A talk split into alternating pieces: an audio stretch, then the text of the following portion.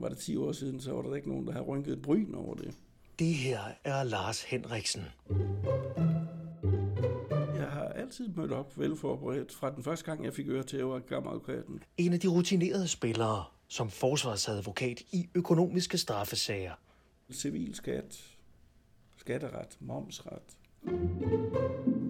I fagbladet Advokaten bliver han portrætteret, og et par citater fra bladet bruger vi som startblokke i podcastet her. Han siger blandt andet på skrift noget om store følelser, når nogen er under anklage for at have taget fra fælleskassen. Der er det måske ikke altid udgangspunktet, at det er anklagemyndigheden, der har bevisbyrden i de sager. I den næste halve times podcast taler han om skævvredet bevisbyrde og om små og store syndere. Yngre uskyldig pige, skurkagtig mand. Der råder sig ud i sager med små, store og meget større beløb. Sagen vedrørende Svend har været meget omtalt i pressen. Også kendt som udbyttesagen, tidens absolut tungeste sag om økonomisk svindel, hvor Lars Henriksen er forsvarer. Og han taler om, hvorfor han landede i det speciale, han gjorde. Øh, der var noget, han synes, jeg var for dum til. Så det, prøv du det, Lars, sagde han så. Og så tog jeg fat i det. Podcastet her med Lars Henriksen er det andet i en række, vi på K-News laver i samarbejde med Advokatsamfundet. Nu taler forsvaren. hvor vi portrætterer forsvarsadvokater i Danmark. Mit navn er Dan Poulsen.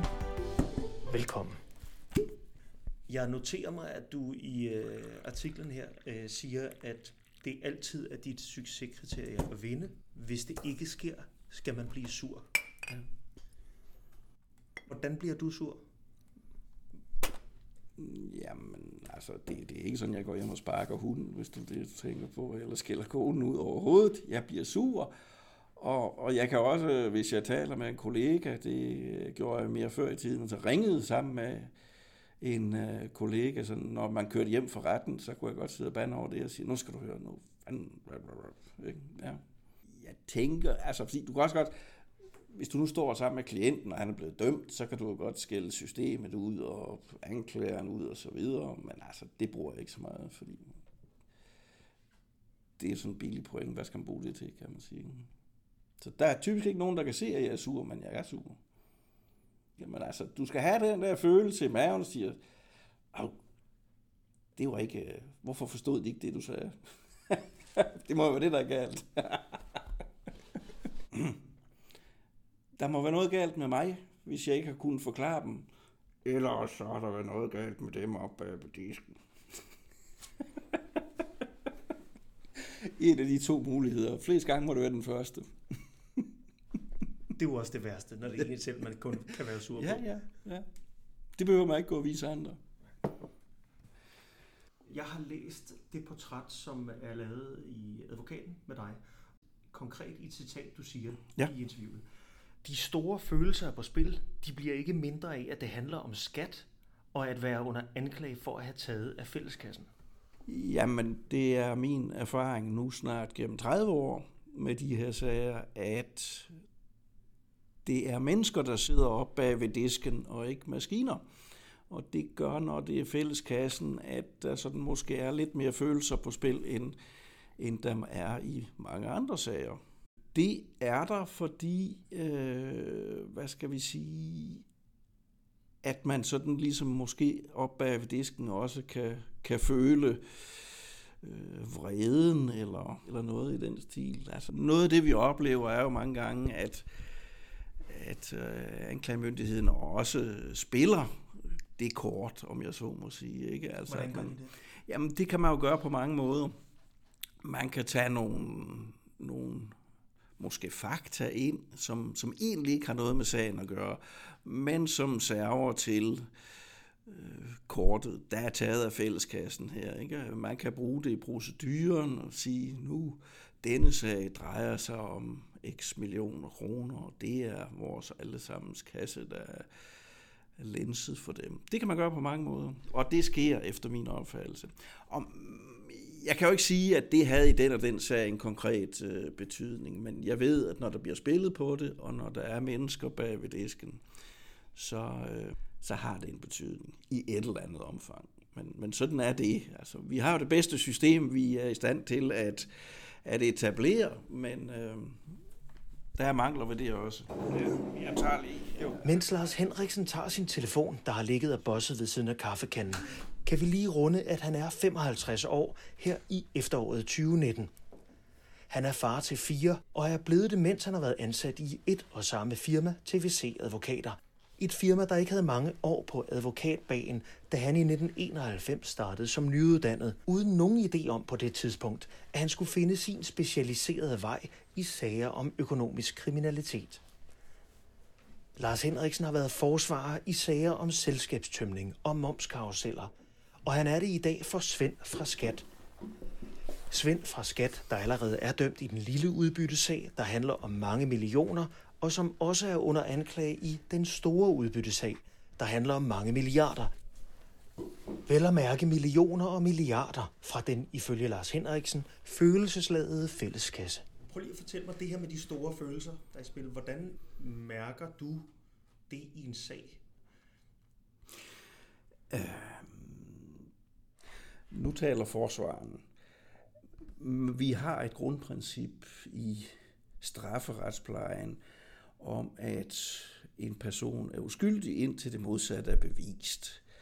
Og øh, mange klienter, som har øh, skattestrafsager, de kommer friske og frejdige, øh, fordi det har de jo også læst og hørt, kan man sige. Øh, Øh, det er så lidt min erfaring, at, øh, skal vi sige, bevisbyrden i de sager, hvor en sagkyndig myndighed stiller op og siger, øh, denne mand har stjålet af fælleskassen øh, og brugt dem øh, til sig selv uretmæssigt, ham synes vi skal straffes.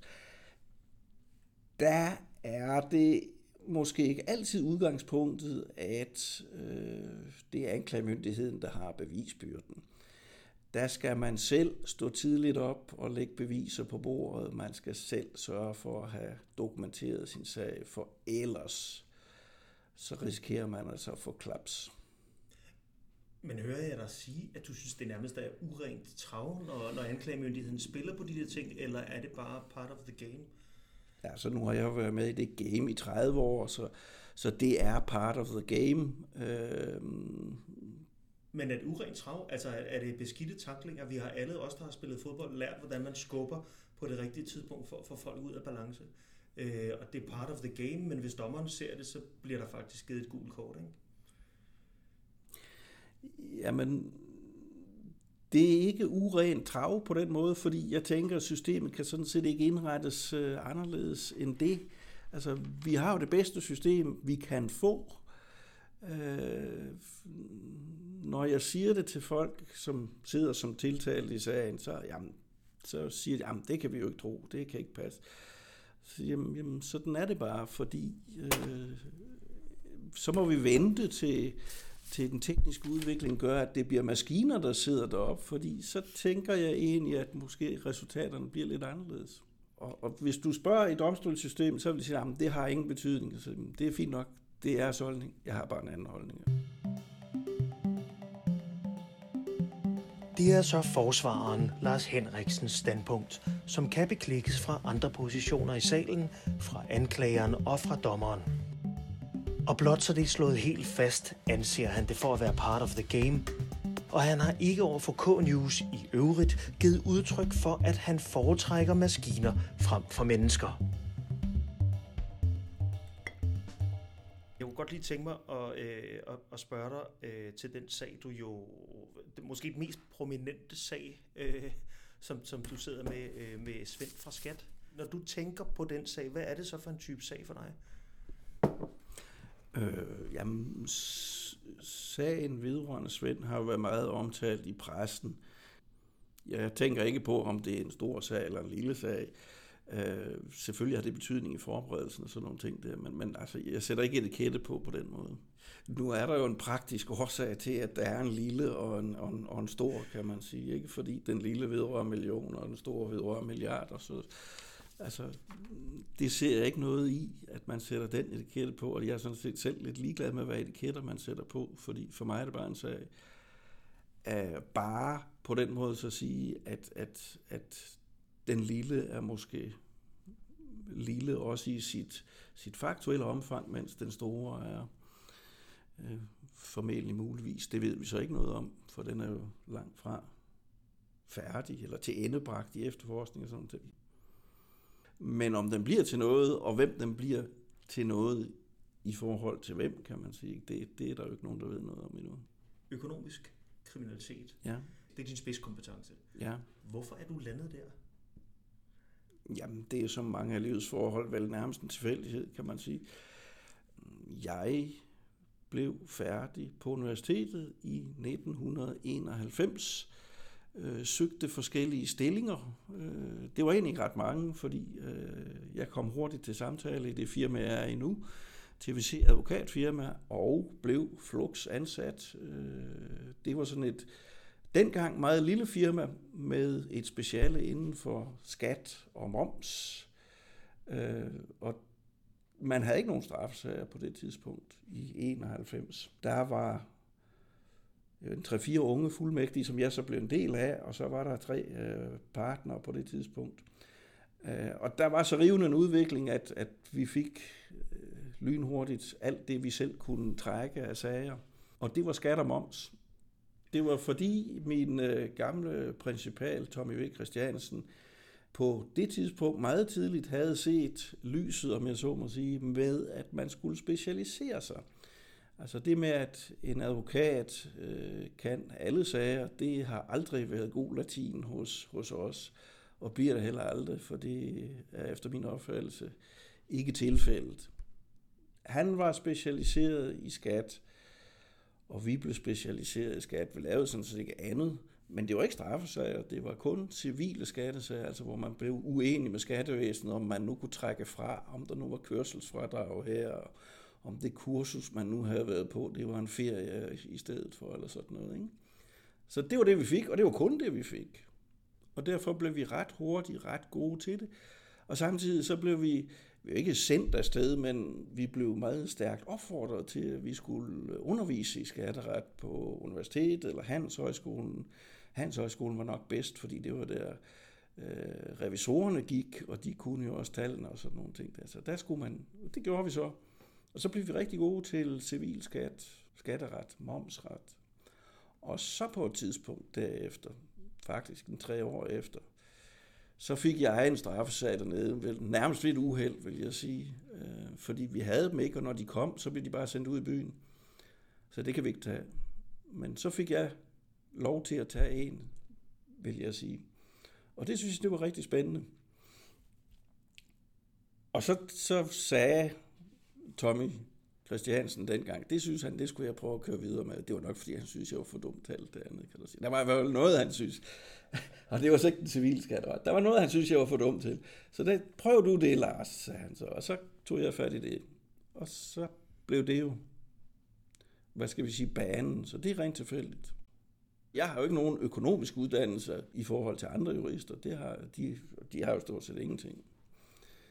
Men der er jo ikke nogen tvivl om, at det her med, når man, når man, hvis man rammer en nerve eller en åre med noget, du er god til, Ja, så, så, så er det jo en fantastisk ild at arbejde videre på. ja. Kan, kan du huske, om der var øh, noget i de der første år, hvor, hvor du ligesom kunne mærke, her har jeg et talent eller en lyst? Mm, Jamen, jeg ved ikke, om jeg havde talent, men jeg tror så, at det var så også tiden, der gjorde, at, at det fangede, kan du sige. Fordi øhm,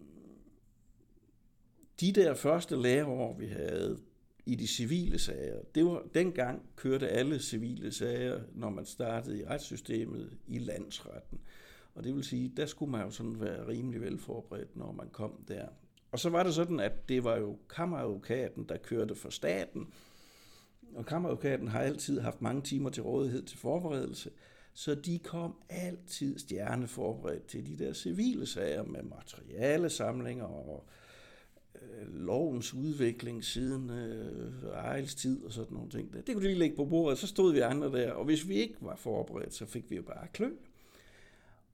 Og da vi så begyndte at tage de her straffesager, der var der ikke rigtig nogen, der var, i hvert fald ikke i det jyske, som var specialiseret i det der. Og vi var jo vant til, at så kom man med materialesamlinger, og man havde selv lavet en del ud af forberedelsen, og det var der ikke tradition for dengang. Det var kun nogle ganske få specialiserede folk, der gjorde det der. Og det gjorde jo, at der sådan ligesom blev sagt, hold nu, hmm, der kom sgu nogen med, med tingene i orden, ikke? Og så fik man jo succes på den måde, kan man sige. Så det er ikke så meget, hvad jeg har været dygtig til. Det var mere tiden, kan man sige. Og så den der tilfældighed, at vi kom fra det der system med kammeradvokatens hårde hunde, og så det kunne vi jo så tage med over i den næste. Så, så det du faktisk siger, det er, at du var slet ikke dygtig, du var ikke et talent, du tændte ikke på lysten i det, du afsatte bare tid til hårdt arbejde. Jamen sådan har det altid været mig. Jeg er bestemt ikke mere begavet end gennemsnittet, så det... sådan har det været fra første klasse med mig. Jeg har altid skulle arbejde for ting, og det gør jeg så. Er det seriøst noget, du kan huske helt tilbage fra, fra, ja. fra folkeskoleårene ja. også? Ja, det er seriøst noget. Sådan har det altid været, og sådan er det også her. Og jeg kan så sige dig, at det er stadigvæk i straffesager sådan, at det er langt de færreste, der gør det. Hvad mener du med det? Altså, af mine kolleger. At... Og de bliver nogle gange småirriterede, når vi kommer med tingene, ikke? fordi det stiller det kan, det kan jo godt i forhold til deres klienter stille dem i et dårligt lys. Det jeg har altid mødt op velforberedt fra den første gang, jeg fik øre til, at jeg var kammeradvokaten, kan du sige. Ikke? Det er jo det, der skal til. Ikke? Når jeg så kommer i retten i dag i en straffesag, og det hænger også sammen med, at jeg siger, prøv at høre, det kan godt være, at vi siger, at bevisbyrden ligger hos anklagemyndigheden, og enhver rimelig tvivl skal komme den tiltalte til gode. Men, men jeg kommer altså med et andet udgangspunkt. Jeg siger, prøv at høre, måske er det dig, der skal bevise tingene her. Måske vender de bevisbyrden om på dig her, fordi at de siger, at skat siger, at det er sådan. Ikke? Så jeg kommer med, med lovbestemmelserne, jeg kommer med kopi af bøger, øh, som handler om det emne, jeg kommer med afgørelser, og alt sammen øh, fint bundet ind i en lille materialesamling, eller en stor materialesamling, nogle gange er det adskillige 100 sider, med indholdsfortegnelser, side det, der ligger den lov, og så går vi det igennem med retten. Fordi ellers skal de jo selv ud og finde det.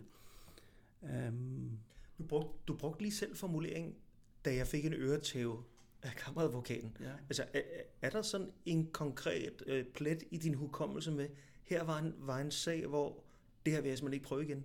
Nej, det er der ikke. Nej, det er der ikke. Men nej, men jeg har fået mange øretæver, altså, men, men det er fordi sådan et system også er indrettet på de der sager. Ikke? Øh, det sjove er jo, at, at for eksempel skattesager, dem er der jo to sider af. Øh, nogle gange bliver der først rejst en civilsag, og siger, hov, du mangler at selvangive dit og dat. Og i den civilsag, der er det sådan, at når du nu møder i byretten i den, så er det skatteyder, der skal bevise, at tingene hænger sammen, som skatteyder siger. Der findes et gammelt øh, citat fra en, en højstrætsdommer, der siger, at hvis det, når sagen er forelagt, og hvis og juraen er forelagt for retten, hvis det er således, at der så er lige meget for synspunkterne, så giver vi skat medhold, øh, siger man i højesteret. Og det er der også, øh, hvad skal vi sige, sådan juridisk fornuftigt, for det er sådan en masse administration og sådan noget. Det skal være på den måde. Men i civil sager, der har skatteyderen bevisbyrden. Hvis der så bagefter skal køres en straffesag på det, så vender det jo i princippet om, der er omvendt bevisbyrde, eller ikke omvendt, men bevisbyrden er hos anklageren. Så du kan faktisk godt få to sager vedrørende det samme med forskellige udfald. Og det kan folk jo slet ikke forstå, men det, altså, øh, hvis man for eksempel, hvis straffesagen kører først, og man vinder den, så rækker folk jo hænderne op over hovedet og siger, ja, yeah, nu har vi også vundet. Så, ah, det har vi altså ikke, fordi bevisbyrden er om, men altså den vender om. Så det er dig nu. Det kan godt være, at du er blevet frifundet, fordi anklagemyndigheden ikke kunne bevise. Men det er jo ikke ens betydende med, at du så kan gå ind civilt og bevise det.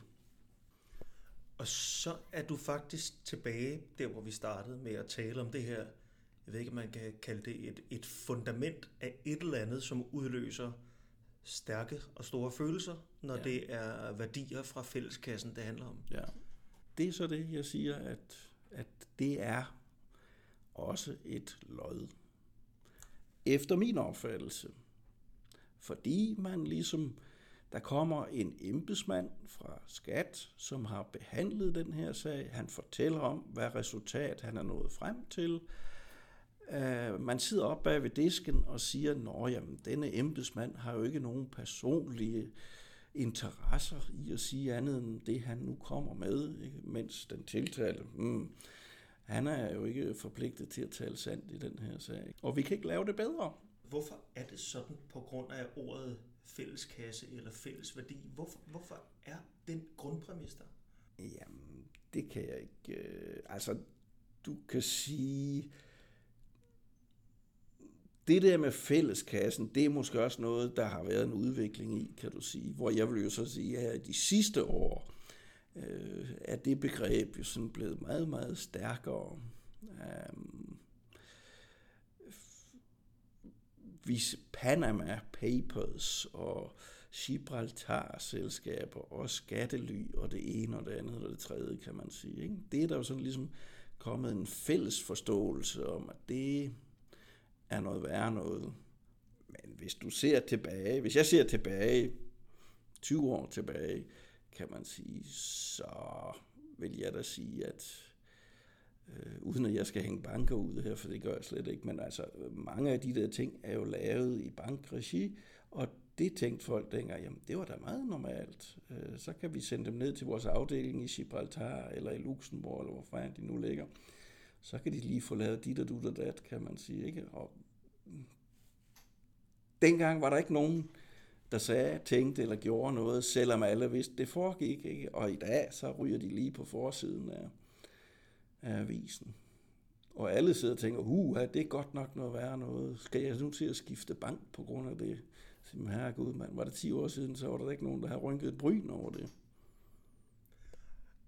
Og den udvikling, uanset om det er over 10 år eller 20 år, øh, har du en holdning til, om den udvikling er god eller dårlig? Jamen altså, den er god på den måde, at alle skal jo betale til fælleskassen, øh, sådan som reglerne er, kan man sige. Så, så på den måde den er god nok. Men når man sådan ser det i, i bagspejlets ulideligt klare lys, så kan man måske godt sidde og grine lidt af det, og så sige, nå, jamen det var så, det var så den udvikling. Kunne godt tænke mig at høre dig lidt om dine muligheder for at spille ind i det her fundament, som du fortæller, at øh, de andre kan spille på. Hvilke redskaber har du i forhold til at kæmpe en sag som Svend fra Skats? Jamen, det kan jeg jo ikke, altså, fordi den følelse er jo ligesom, det er jo en fællesskabsfølelse, ikke? Altså, den kan man ikke kæmpe imod, kan du sige, det skal man heller ikke. Altså, der må du bare øh, være faktabaseret og så sige, prøv at høre, sådan hænger det bare slet ikke sammen. Se, her er faktum. Det, han står og siger derovre, er faktuelt noget vrøvl. At han så spiller på følelsen også, det, jamen, det kan jeg jo bare konstatere, så spørge, hvad, hvad har det her egentlig med sagen at gøre? Men altså, det er ikke noget, jeg gør. Altså spiller mod den følelse, for det skal man ikke. Det kan man ikke. Kan man spille med den? Lille mand, stor sag. Nej. Lille mand, stor stat. Nej. Nej. Det tænker jeg, det tænker jeg man kunne, hvis man, øh, hvis man var advokat i USA. Men, men det danske retssystem overhovedet ikke, vil jeg sige. Jeg har snart 30 års erfaring her. Jeg kan faktisk, jo, jeg kan faktisk huske to sager, små sager, hvor, hvor man kan sige, at det har måske, at det gjorde i hvert fald ikke en skade. Det er, det er mere end 20 år siden, jeg havde den ene af dem. Jeg kan faktisk, den kan jeg huske nu. Uh, også fordi jeg kan huske landsdommeren, der, der ligesom håndterede den. Uh, han var meget dygtig. Altså en lille lønmodtager, øh, hvor, hvor den virksomhed, han var ansat i, havde indberettet hans løn forkert, for lidt, og så havde han ikke selv været opmærksom, eller øh, han havde ikke selv været hurtig nok til ligesom at få rettet fejlen, og han havde måske godt set fejlen, fordi der var så stor forskel på det, der var indberettet i forhold til det, men han havde måske ligesom den opfattelse, at det fik de nok ordnet. Og han stod til en klækkelig bøde. Og det endte så med, at man, han fik en ordensbøde på et par tusind kroner i stedet for, kan man sige, øh, i landsretten. Og det var, fordi man sagde, okay, her har vi den lille mand. Det har man så også rettet op på lovgivningsmæssigt efterfølgende, fordi de der indberetningsfejl straffes faktisk slet ikke i dag. Det var den ene, og den anden... Det, og bare lige nu forlader, ja. var det noget, du bevidst havde fremhævet? Nej, det er ikke, fordi det, altså, fordi du kan sige, det er jo for så vidt et ujuridisk argument. Altså, det kan jo ikke, det kan jo ikke stå at sige. Altså, vi griner nogle gange. Øh, hvis man har en rigtig dårlig sag, så, så kan vi jo godt sidde på kontoret og så sige, hvad skal jeg komme og sige? Altså, og så har jeg sådan, der var den her serie, der hed Forsvarsadvokaterne på et tidspunkt, hvor hvor man så også skulle procedere en sag, og der var en af de der, jeg tror det var en dame, som startede med at sige, min klient hører ikke til et fængsel. Og det griner vi jo voldsomt af, kan vi sige, hvad er det for noget frøvl at stå og sige, kan man sige. Ikke? Altså, jeg siger, du kan ikke spille på det på den måde, og det behøver man sgu heller ikke, fordi at, altså i den der sag, der, der er det jo oplagt, åbenbart. Lille mand, kommer uforvarende i det der, der står en skurk bagved, det er virksomheden, som ikke har fået indrettet. Ja. Og det var også tilfældet i den anden sag, hvor det drejede sig om manden, og dem, dem er der sådan nogle stykker af. Manden kører virksomheden. Manden går konkurs. Jamen, familien skal jo leve, så kører vi videre i konens navn. Yngre uskyldig pige, skurkagtig mand – øh, senere skilt, fordi han også er voldelig.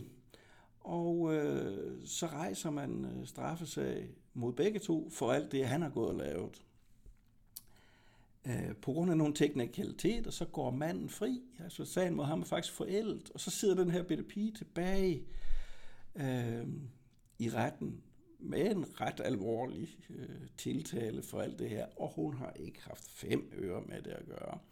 Og så sidder hun og græder lidt øh, nede, når hun skal afgive forklaring, fordi hun er dybt ulykkelig over det her. Ikke? Um, og den sag kan jeg nemlig huske, fordi at, at da, vi holdt, da vi skulle holde frokostpause i landsretten, der siger øh, landsdommeren så til øh, anklageren, øh, og der, det var også en af de øh, navnkundige landsdommer der, så siger han til, til, øh, til anklageren, ja, hvis det her nu havde været en civil sag, så kunne jeg komme med en tilkendegivelse nu her før proceduren, men det er ikke en civil sag, så det kan jeg ikke.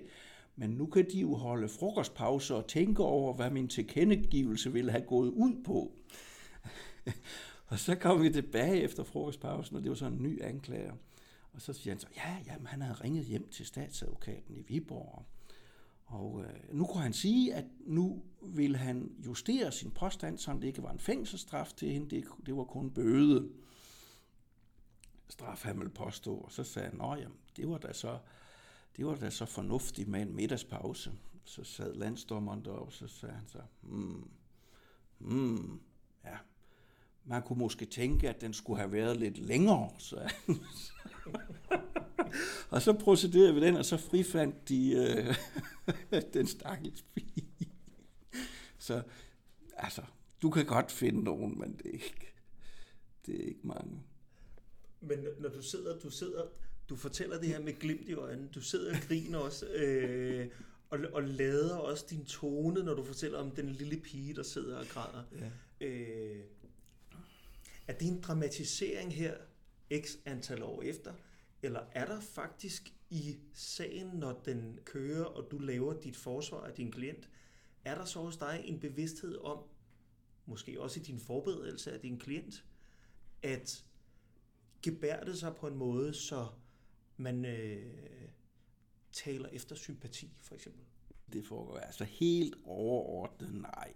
Det, det går man ikke efter, fordi altså, det er så ringet kort. Og spil, altså, ja, som jeg forklarede før, altså det er øh, den modsatte side, der kan spille det kort. Det har vi andre ret vanskeligt ved. Altså du kan sige, specielt i de der sager, hvor det er konen, der er kommet i, i maskinen, om jeg så må sige. Der kan jeg sige, at vi er sådan relativt kyniske som forsvar, derfor kan du sige, at du kan godt tænke, inden du kommer i dag. Jeg tager ikke nogen hensyn til hende. Jeg kører bare på hende med spørgsmålene. Fordi det gør som ikke mig noget, hvis hun kommer til at græde. Og det vil hun også selv indse bagefter, at det gjorde ikke noget, hvis det er. Men altså, det er jo sjældent, det, det forekommer. Du kan sige, ja, jeg har jo ikke en følelsesmæssig tilgang til det der, som jeg siger til dig. Jeg er kold og kynisk, fordi det er min opgave at være det. Men i den opgave, hør mit spørgsmål, Ja. der er vel forskel på, om du er forsvarer for en lille Svend fra Skat, Mm. Øh, sammenlignet med nogle af de andre sådan, øh, hvad skal man sige, større sager, du også har haft med mm. selskabstømmer og, øh, og momskarusselryttere. Øh, er der slet ikke noget, du er bevidst om og vælger at spille på i forhold til, til lille mand? Svend må være nemmere at holde af end selskabstømmerne. Svend må være nemmere at holde af end momskarusselrytterne. Mm, Jamen, det, det er faktisk meget... Altså, nej, for jeg tænker, du, du lægger en forkert forudsætning ind her, fordi som jeg siger til dig, når jeg kører en sag i retten, jeg har ikke nogen følelser med i retten, og jeg har ikke nogen holdninger. Altså, det er jo det, man bliver spurgt om mange gange til Men jeg spørger jo lige så meget, undskyld, jeg afbryder, jeg Ja. spørger jo lige så meget til de andre parter, som du startede med at skitsere, som også er en del af retssagen. Ja. At den der følelse, som er hos dem, at det er egentlig den, jeg tænker på, om du ikke øh, adresserer på en eller anden måde. Nej, det gør jeg ikke. Altså, nej. Um, nej. I øh, interviewet i advokaten, der nævner du det her med, at der sådan er forskellige grader. Jeg skal nok læse op her, hvad du siger. Ja. Ikke? Om din erfaring med typer af økonomisk kriminalitet, der siger du, at det handler om sløsethed i den milde ende. Ja. Det handler om går den, så går den, sådan i midten. Som jeg lidt hørte dig øh, omtale en sag, du gav som eksempel lige før. Og, og det, det er dem i midten, du har flest af. Og så er der dødssynden, grådighed i sidste ende. ja. Jamen, det kan godt være, at det lyder fjollet, fordi jeg startede med at spørge dig også om, om enkelte ord, lille og stor Ja. og sådan noget. Mhm. Så derfor vil jeg gerne spørge dig her. Når du bruger ordet dødssynd, i, i hvor stor en alvor er det? Er det, en, er det med et smil? Er det altså på den helt store bibelske klinge, at, at du tænker på, på, øh, på sådan et ord, når du bruger det i, øh, i forbindelse med dit arbejde? Øh, jeg bruger det, fordi jeg også gennem 30 år ligesom har set mange af de større sager er- er jo baseret på, hvordan reglerne er strikket sammen. Øh, Det så vi med selskabstømmersagerne, øh, og dem var der flere sådan forskellige arter af. Og man kan måske også se det med udbyttesagerne øh, i dag, hvor man siger, noget Øh, reglerne var strikket sammen på en bestemt måde. Systemet var ikke særlig god til at håndtere øh, de der sager, men, men der var øh, noget fornuft og en, en, en lovlig brug af det. Men det, der så ofte sker, det er, når folk de ligesom siger, hov, det gik, ikke? Så, og så udvikler det sig også, så der faktisk ikke er noget realitet i det, man sidder og laver. Andet end at sidde med altkassen, om jeg så må sige. Ikke? Så, så det er den måde, grådigheden, og det er det, jeg siger, jamen prøv at når grådigheden tager over, så bevæger man sig fra noget, som måske var lovligt på et tidspunkt, over i noget, som, som ender frygtelig galt på et eller andet tidspunkt. Og så ender vi op i de store sager, og øhm, altså det er jo et menneskeligt karaktertræk, kan man sige, ikke? Som, som ligesom tager over for folk. Altså, det er, det er, det er ikke i, på nogen måde den bibelske form. Tusind tak for det. Ja, det var så lidt.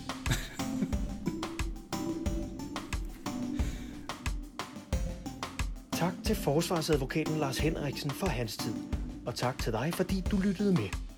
Portrættet her er blot et af mange podcasts, vi på K-News laver under titlen Magtens Tredeling.